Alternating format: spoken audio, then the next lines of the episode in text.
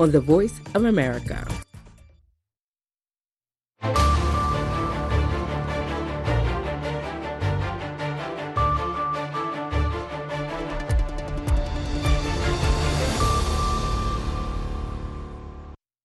subax wanaagsan dhegaystayaal kuna soo dhowaada idaacadda subaxnimo ee laanta af soomaaliga ee v o a oo idinka imanaysa washington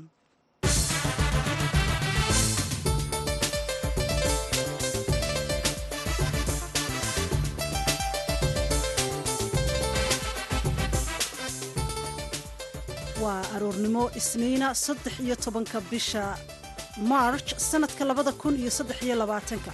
Waxaad naga dhagaysanaysaan mawjadaha gaagaaban hirarka efemyada geeska afrika iyo caalamkao dhan ood nagala socotaan bogga internetka v o w somaali com.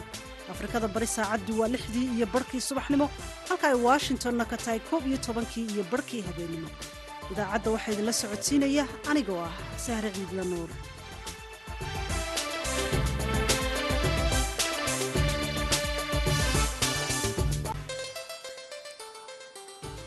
qodobada aad ku maqli doontaan idaacaddeenna waxaa ka mid ah. Talyaaniga oo sheegay inay soo badbaadiyeen dad afrikaana oo saarnaa dooni kula qarriqantay badweynta mediteraneanka waxaa kaloo aad maqli doontaan bangigii labaad ee ugu weynaa dalkan maraykanka oo kacay amaba faqriyey taasi oo keentay walaac dhaqaale. Waraysi ayaannu idinka haynaa bangigu sidaad ula socoto bangiga markuu deposit qaado depositku asaga laftiisu bangigu waa ka faa'iidaa oo wuxuu gashadaa maalgashi meelo kala duwan ayuu geliyaa. So bangigan silicon valley bank long term holdingkiisa meelaha oo inta badan waqto dheer uu gashado investmentsigiisa wuxuu geliyey bonds u s bonds u s government bonds ayuu geliyey waxaa kale aad maqli doontaan warbixin ku saabsan buug ka hadlaya xaaladihii soomaaliya ay soo martay. Sidoo kale ciyaarihii iyo qodobo kale ayaan idiin haynaa. Marka horese warkii dunida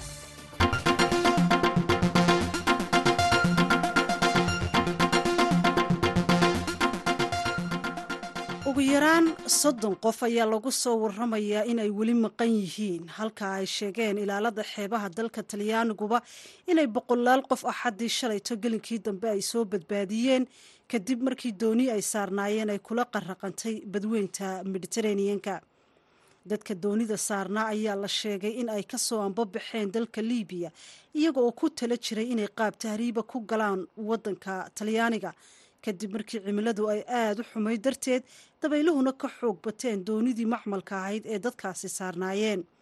Ciidamada ilaalada xeebaha ee dalka talyaaniga ayaa u gurmaday dadkaasi oo xaaladoodu halis ku jirto badi dadkii doonta saarnaana ay badda ku daateen. Ciidamada ilaalada xeebaha ee dalka talyaanigu waxay sheegeen in kooxaha gurmadku ay weli ku howlan yihiin baadigoobka soddonka qof ee ilaa hadda raq iyo ruux waxa ay ku sugan yihiin aan laga warhaynin iyadoo biyaha hoostooda laga baadi doonayo haddiiba ay jiraan dad nool oo badda hoosteeda laga soo saaro. Dadka doonida saarnaa ayaa u badnaa kuwo ka tegay waddamada afrika islamarkaana u sii tahriibayay waddamada ku yaalla qaaradda yurub. Xogayaha arrimaha dibadda ee dalkan maraykanka antony blinken ayaa isaguna waxa uu socdaalay wadamo ku yaalla qaaradda afrika isaga oo magaalinta salaasada ee beriya socdaalkiisa ugu horeeyay iyo kulamadiisu ay ka bilaabmayaan dalka etoobiya xogayaha arrimaha dibadda ee dalkan maraykanka antony blinken ayaa magaalada adisababa kulan kula yeelanaya madaxda dalkaasi etoobiya shan iyo tobanka bisha march oo ku beegan maalinta salaasada waxaana la sheegay in uu halkaasi ay ka wada hadli doonaan heshiisyadii xabad joojineed ee dowladda iyo t b l f ay wada saxeexeen bishii noofembar ee sannadkii labadii kun iyo labaiyo labaatankii. Taasi oo lagu dhexdhexaadinayay islamarkaana dagaalkii u dhexeeyey lagu joojiyey xoogaga t b l f iyo xukuumadda abiy axmed xogaya blinken waxa uu u sii dhaafi doonaa waddanka niger halkaasi oo isagana booqasho hal maalin ah uu ku qaadan doono isaga oo la kulmi doona madaxda waddankaasi niger. Waana booqashadii ugu horreysay ee xogayaha arrimaha dibadda uu ku tago waddankaasi tan iyo intii uu xafiiska la wareegay. Intaasi dhegeystayaal waxaa ku eg warkii dunida. Waxa aynu gudagelaynaa qaybaha kale ee idaacadda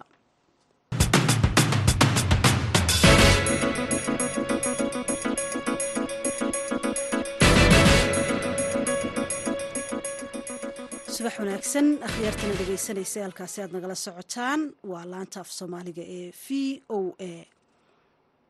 Dowladda waddanka talyaaniga ayaa soo badbaadisay sidii aad warkaba ku maqlayseen dad muhaajiriina kadibna howlgal samata bixin ah oo ay ka fuliyeen dhowr goobood oo ku yaalla koonfurta badda dalka talyaaniga kadib markii toddobi iyo afartan amabaan idhahdee afar iyo toddobaatan qof ay ku dhinteen dooni ku qaraqantay xeebaha waddankaasi. Waxaana ay ku sugan yihiin muhaajiriintaasi. Waxaa haddaba warbixin gaar ah oo arrimahaasi ku saabsan magaalada london nooga soo diray wariyaha v o a ee qaaradda yurub cabdixaafid cawil ismaaciil tirada muhaajiriinta ka soo gudbaysa xeebta badda mediteraneanka ayaa cadaadiis saartay dowladda talyaaniga ee xilka qabatay bishii oktoobar ee sannadkii aynu soo dhaafnay. Xukuumadda oo doonaysa inay yarayso muhaajiriinta ayay sii kordheen dadka ka soo tahriibaya waddamada waqooyiga afrika iyo turkiyey ciidamada ilaalinta xeebaha talyaaniga ayaa sheegay inay ka soo samata bixiyeen shan boqol oo muhaajiriin ah oo saarnaa doon ku sugnayd goob ilaa boqol iyo lixdan kilomitir badda gudaheeda ku jirtay waxaana la geeyey magaalo xeebeedka ragiyo ee calabria. Saddex boqol iyo sagaal iyo toddobaatan muhaajiriin kale ayaa iyagana la keenay magaaladaasi subaxnimadii hore ee maanta.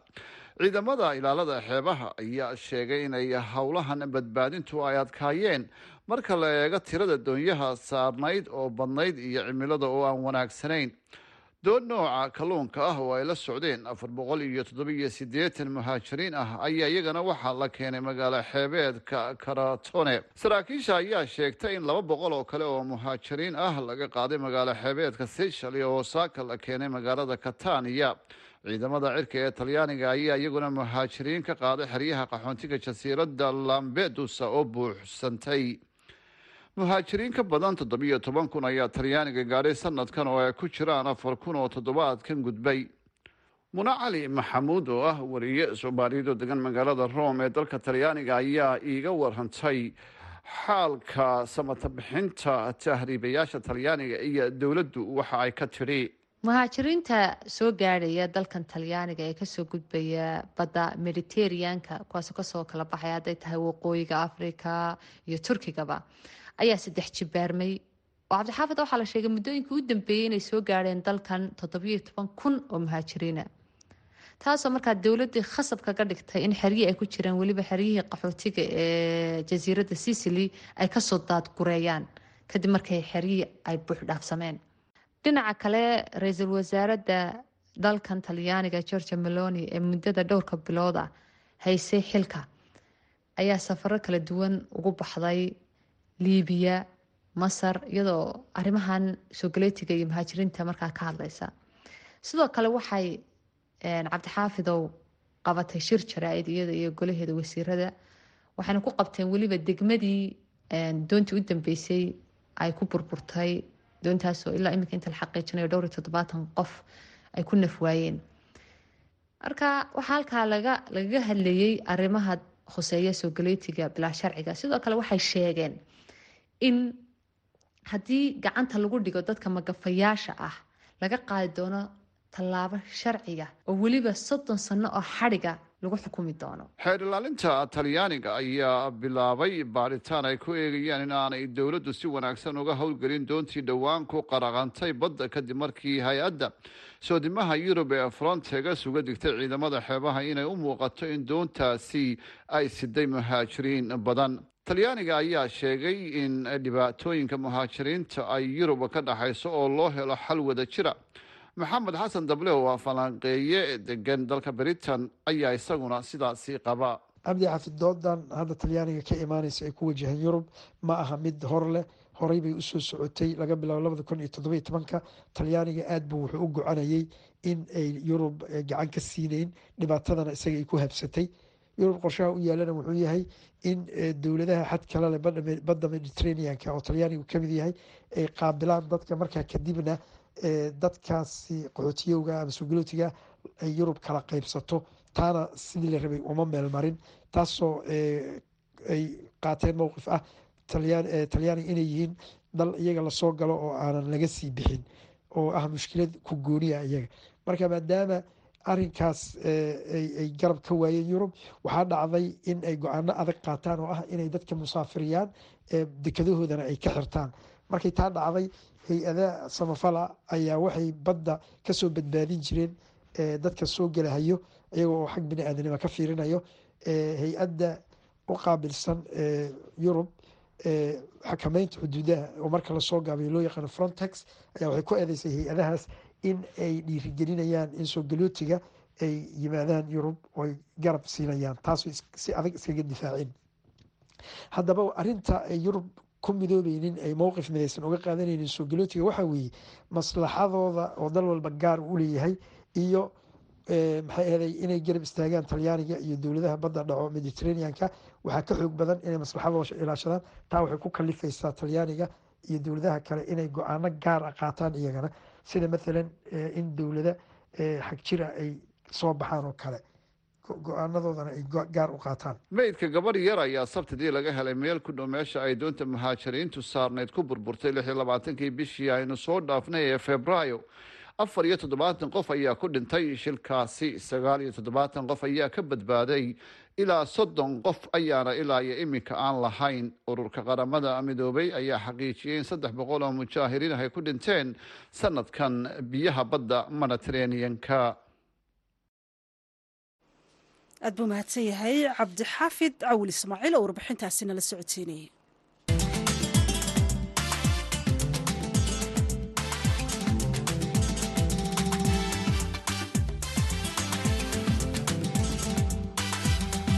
subax wanaagsan dhegaystayaal halkaasi aad nagala socotaan waa v o a washington. Dowladda maraykanka ayaa qaaday tallaabooyin istabajooga ah xaddii shalayto si ay u badbaadiso amaba u joojiso qalalaasaha dhaqaale ee suurtagalnimada ah kadib markii uu kacay bangiga silicon valley taasi oo la sheegay in ay ahayd guuldarro taariikhiya iyadoo uu xaqiijinayay dadka dhigaalka lacageed uu u hayay bangigaasi khasaaray inay awood u yeelan doonaan inay si deg dega u helaan dhammaan lacagahooda. Arrintan ayaa haddaba ku soo beegmaysa xilli bilihii ugu dambeeyey ay jireen cabsi ku aadan qalalaase soo gala dhaqaalaha maraykanka oo caqabada soo food saarayeen. Sidoo kalena sicir barar xooggan ayaa ka jira dalkan maraykanka iyadoo dowladduna ay qaaday tallaabooyin ay ku dhimayaan sicir bararka. Haddaba falastiin axmed iimaan ayaa arrimaha bangigaasi khasaaray iyo guud ahaanba hoosu dhaca iyo sabeynta dhaqaale ee dalka maraykanka. Waxay ka wareysatay doctor cabdisamed nuur bidaar oo arrimaha dhaqaalaha ku takhasusay. Ugu horreyna waxay weydiisay sababta keentay in bangigaasi uu kaco horta waa mahadsan tahay abayo silicon valley bankan oo ku yaalla silicon valley areada la yidhaahdo oo technolojiyada maraykanka oo ah udubdhexaadka oo kombaniyada caanka ooda wada taqaano ay wada degan yihiin. Wuxuu horta inta badan wuxuu safe garaynayey ama uu clientkiisu ay ahaayeen kombaniyada yaryar oo badan oo waxa aanu ugu yeerno startupka ah oo mar rajaynaya inay noqdaan sida google iyo apple oo kale. Waxaa ugu wacan sida aan akhriyey bangigu sidaad ula socoto bangiga marka uu deposit qaado depositku asaga laftiisu bangiga waa ka faa'iidaa oo wuxuu gashadaa maalgashi meelo kala duwan ayuu geliyaa. So bangigan silicon valley bank long term holdingkiisa meelaha inta badan waqto dheer uu gashado investmentsigiisa wuxuu geliyey bonds u s bonds u s government bonds ayuu geliyey generally u s government bondsku waa safe macnaheedu waxa weeye isma badbedelaan inta badan wax maaragtay ma aha pricesku aad ama hoos ama kor u dhaco ma aha. Waa the safest investment uu qofka uu samayn karo weeye. Ha yeeshee labadii sano ugu dambeysay oo inflationka uu noqday mucjiso aan la arag afartankii sano ee ugu dambeysay ama kontonkii sano waa la oran karaa dhaqaalaha reer galbeedka ayaa waxa iska bedelay marka sideeda waxaa jirta haddii uu inflationku ama sicir bararku kor u kaco taas waxay keentaa in bondskii dowladdu ay bixisay ay hoos u dhacda qiimaheeda.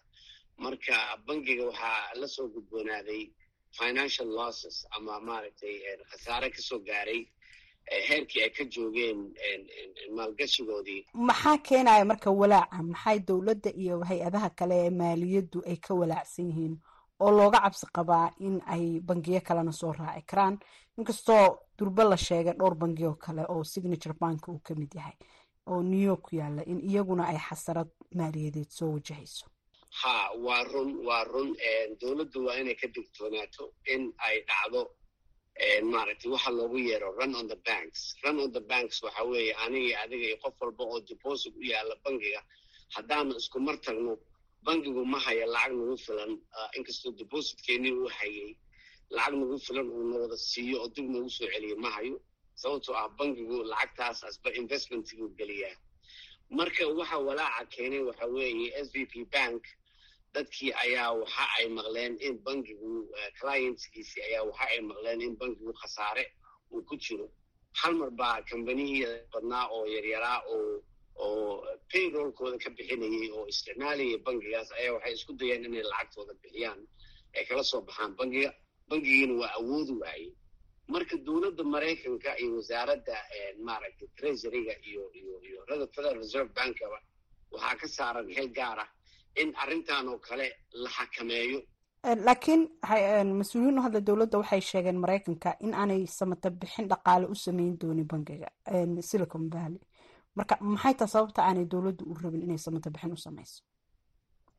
Taas waxay keenaysaa waa midda ugu muhiimsan marka samata bixinta macnaheedu waxa weeye dadkii shareholderska bangiga ee lahaa iyo marka samata bixintu ama ay dowladdu la wareegto waxaa dhacaysa iyo dadkii depositka u yaalay lacagtaas oo dhan wipe out baa ku dhacaya. Marka kambaniyadii badnaa oon hadda aan kuu sheegay oo startupka ahaa oo california silicon valley joogay oo maaragtay payrollkoodii iyo shaqaalahoodii wax ka bixinayay dowladdu maanta uma aragto in la dhaho wixii nina yaalaan marka laakiin nidaam cusub ayay dowladdu isticmaalaysaa treasuryga iyo f d i c du ay isticmaalaysaa. Waxa ay sheegeen in ay garanti garaynayaan depositkii oo dhan dowladdu waxay tiri annagoo isticmaalayna fan gaar ah oo f d i c da ay leedahay ayaanu waxaanu bixin doonaa aanu available ka dhigi doonaa all the funds oo maaragtay available u ahaa dadkaas. Dhaqaalihii. Kale oo dhaqaalihii. So berito hadduu ninkii kambanigaas uu tago bangiga marka la furo millionskiisii wuu wuu helayaa tomorrow. Haddii sida ay ay u qorsheynayaan. Marka lama wareegayaan sidii waagii financial two thousand eightkii dhacay bangigu sidii buu ahaanayaa lama iibinayo qolo kale lagama iibinayo dowladdu lama wareegayso way maamulaysaa oo hantidii bay u maamulaysaa waxayna la siin doonaa fan gaara oo f d i c du leedahay oo laga fangaraynayo fee bangiyada laga qaado. Ayaa dadkaas loogu soo celin doonaa loogu soo celin doonaa. Maxaa tahay xiriirka ka dhexeeya sare u kaca dowladdu ay ku sameynayso ama ay sare u qaadayso lacagaha dulsaarka ah iyo bangiyadan dhibaatada soo wajahaysa. Lacagaha dulsaarka ahu aniga ka soo qaba adiga bangigii ah qof marka aad toban dollar aad ka qaadid oo deposida waxaad maaragtay aad ka ballan qaadaysaa inaad hal dollar ugu darayso. Adiga bangi ahaan halkaas dollarna waxaad rabtaa inaad ka hesho inaad si maalgelin kale ayaad samaynaysaa si aad lacagta uga hesho. Marka sideedaba sicir bararka waxa weeye tobankii dollar ee aad qaadatay halkii dollaraad ku dartay waxa ay goysaa wax ka yar shalay maanta intaa qiimaheeda uu yahay. Marka waa inaad adiga si aad u hesho purchasing powerkaagii uu dib kugu soo noqdo.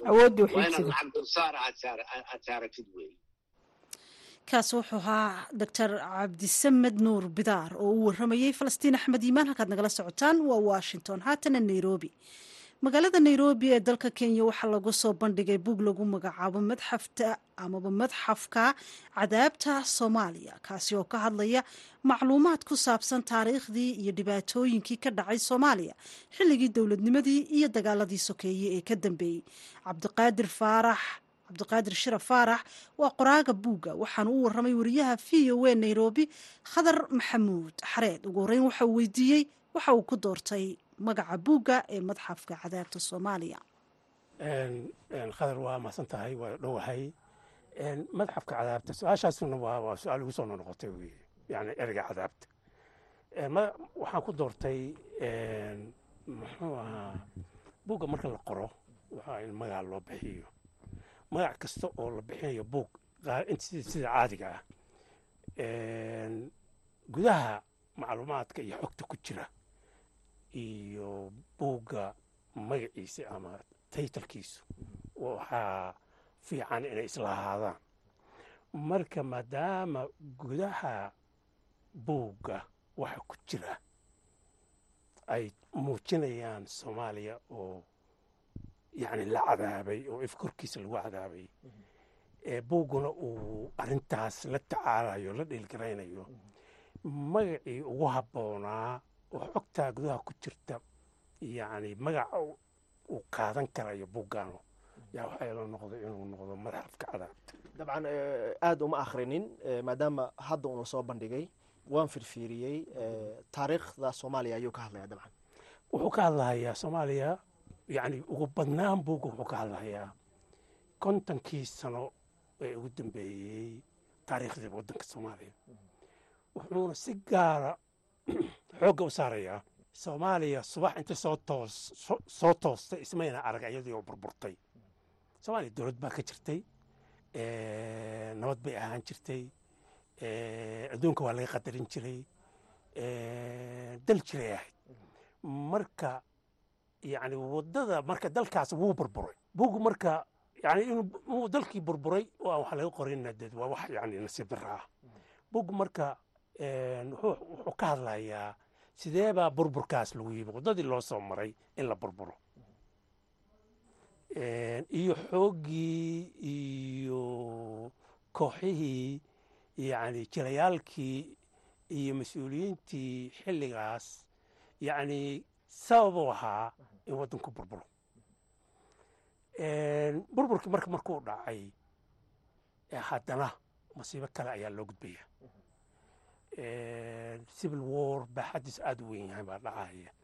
Burburkaas marka gudihiisa waxa ka dhacayana waa qayb labaad oo bugu uu aad iyo aada uga hadlayo dabcan dagaalkii sokeeye ka hor dee dowlad ha jirto horumar baa jiray horumar wuu jiray tacadiyabaha iska dhacaana. Laakiin ma ku soo qaadatay horumarkii iyo waxqabadkii xiliyadaasi ha waa ku soo qaatay. Yani ma aha yani bugu horta maaha fiction maaha aniga opinionkeyga maaha waa facts. Marka yani xaqaa'iq bay ku dhisan yahay. Xaqaa'iqa waxaa ka mid a dalka soomaaliya horumar ayaa ka dhacay horumarka soomaaliya inay gobonimo qaadatay horumar bay ahayd in dowlad qaran oo soomaaliyeed ay abuurmatay horumar bay ahayd in laba gobol oo soomaali waqooyi iyo soomaaliya koonfureed qaran dowlad dhiseen horumar bay ahayd sagaal sannadood oo ka horreeyey muxuu ahaa xilliga kacaanka oo dowladda la afgambiye ah. Kulligeed ma ahayn wakti wada xun musuqmaasuq iyo dowladda hadda yani dacaayad badan baa lagu sameya laakiin runtii gudaheeda wax badan oo wanaagsan baa ku jiray. Sidbaraa dhacday madaxweynaha la dilay doorashadii lixdan sagaalkii baa yani la boobay. Oo falxumo weyn ahayd niyatab weynna uu ka dhacay. Ciidamadaa waddanka qabsaday ciidamadu waddanka markay qabsadeen dhaqaaq bay sameeyeen. Xilli fiican oo ilaa lix sano toddoba sano ah. Yani soomaaliya transformation weyn baa ku dhacay xagga dhaqaalaha xagga tacliinta xagga caafimaadka xagga bulshada iyo xagga amniga iyo ciidamada. Waa fact wey waa in la qara wey golihii kacaanka yani xarakadaa socotay militariga uu madaxda ka ahaa ayagaa sabab u noqonaya haddana ugu dambaysa dalku inuu burburo. Ma ka badbaadi karaan.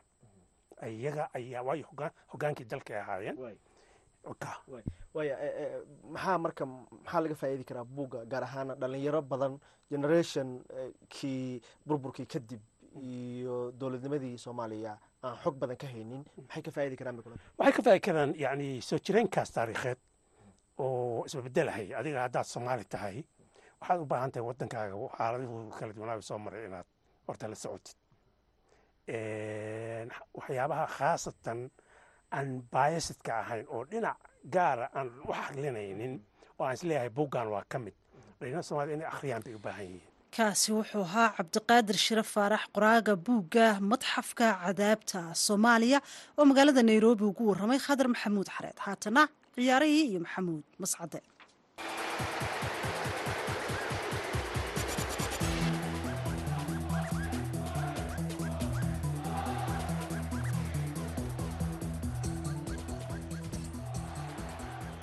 wanaagsan dhegaystayaal dhammaantiinba kuna soo dhowaada xubinta ciyaaraha aan ku bilaabay ee horyaalka waddanka sbain kooxda kubadda cagta ee barcelona ayaa darqii kaga soo baxsatay kooxda kubadda cagta ee atletica bilbao oo ay gurigeeda ku booqatay.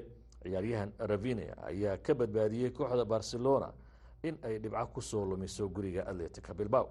Kubad uu ka helay sergio busquets ayuuna shabaqa la tiigsaday qaybtii hore ciyaarta inkastoo kooxda barcelona ay hal gool iyo waxba ku hogaamisay qaybtii dambe ee ciyaarta markii la soo noqday atletica bilbao weeraro aan kala joogsi lahayn ayay ku qaaday barcelona waxaana u suuro gashay inay kubad shabaqa ku taabtaan.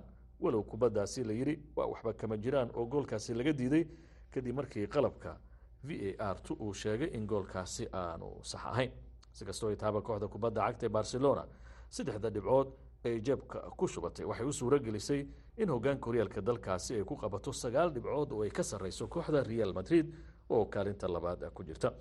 Kulamada kale ee dhacay wadanka sbain habeenkii xalay ahaa iyo shalay galab waxaa ka mid a real mayoka hal iyo hal barbara ah waxaa ku celisay kooxda real sociedad. Sevilla waxay laba gool iyo hal kaga adkaatay kooxda almaria valerial iyo real batisna hal iyo hal ayay iskula agdhaceen dhinaca iyo wadanka ingiriiska haddii aan jaleeco kooxda kubadda cagta ee arsenal ayaa hogaanka horyaalka wadanka ingiriiska sii dheeraysatay kadib markii saddex gool iyo waxba ay ku dharbaaxday kooxda fulham.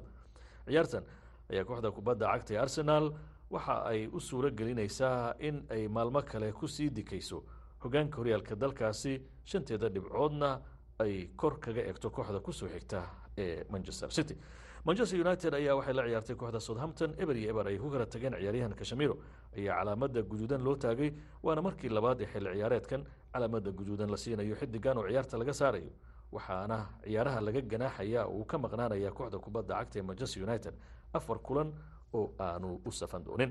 Kooxda kubadda cagta ee westerham united hal iyo hal barbara aston villa ayay ku kala tageen halka newcastle unitedna ay dirqi laba gool iyo hal ah. Kaga soo adkaatay kooxda wolves dhinaca iyo wadanka talyaaniga haddii aan jaleeco kulan la isku riiqday oo faraha la isula tegay ayaa dhex maray kooxaha kubadda cagta ee roma iyo saswola kooxda kubadda cagta ee saswola ayaa roma gurigeeda ku soo garaacday oo afar gool iyo saddex kaga soo adkaatay. Inkastoo calaamada guduudan loo taagay mid ka mid a xidigaha kooxda kubadda cagta ee roma kooxda kubadda cagta ee saswolo inkastoo kaalimaha hoose ay ku jirto haddana waxay isbaaro u dhigatay kooxda kubadda cagta ee roma oo tiigsanaysay in xilli ciyaareedkan ay ka mid noqoto kooxaha u soo gudbaya koobka qaaradda yurub ee champions league. Haatan kooxda kubadda cagta ee roma kaalinta shanaad ayay fadhisaa.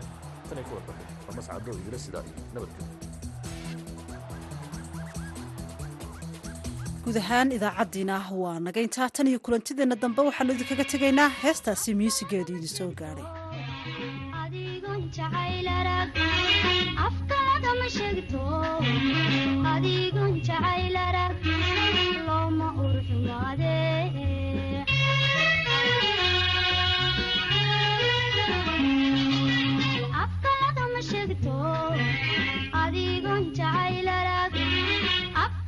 ma sheegto adigun jacayl arag looma urxumaade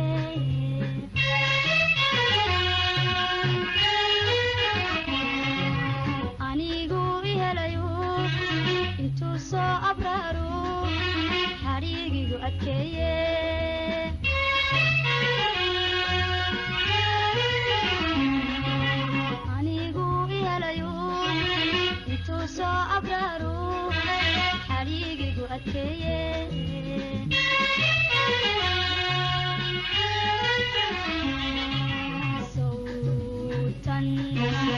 aramidisi sowtan aramidisi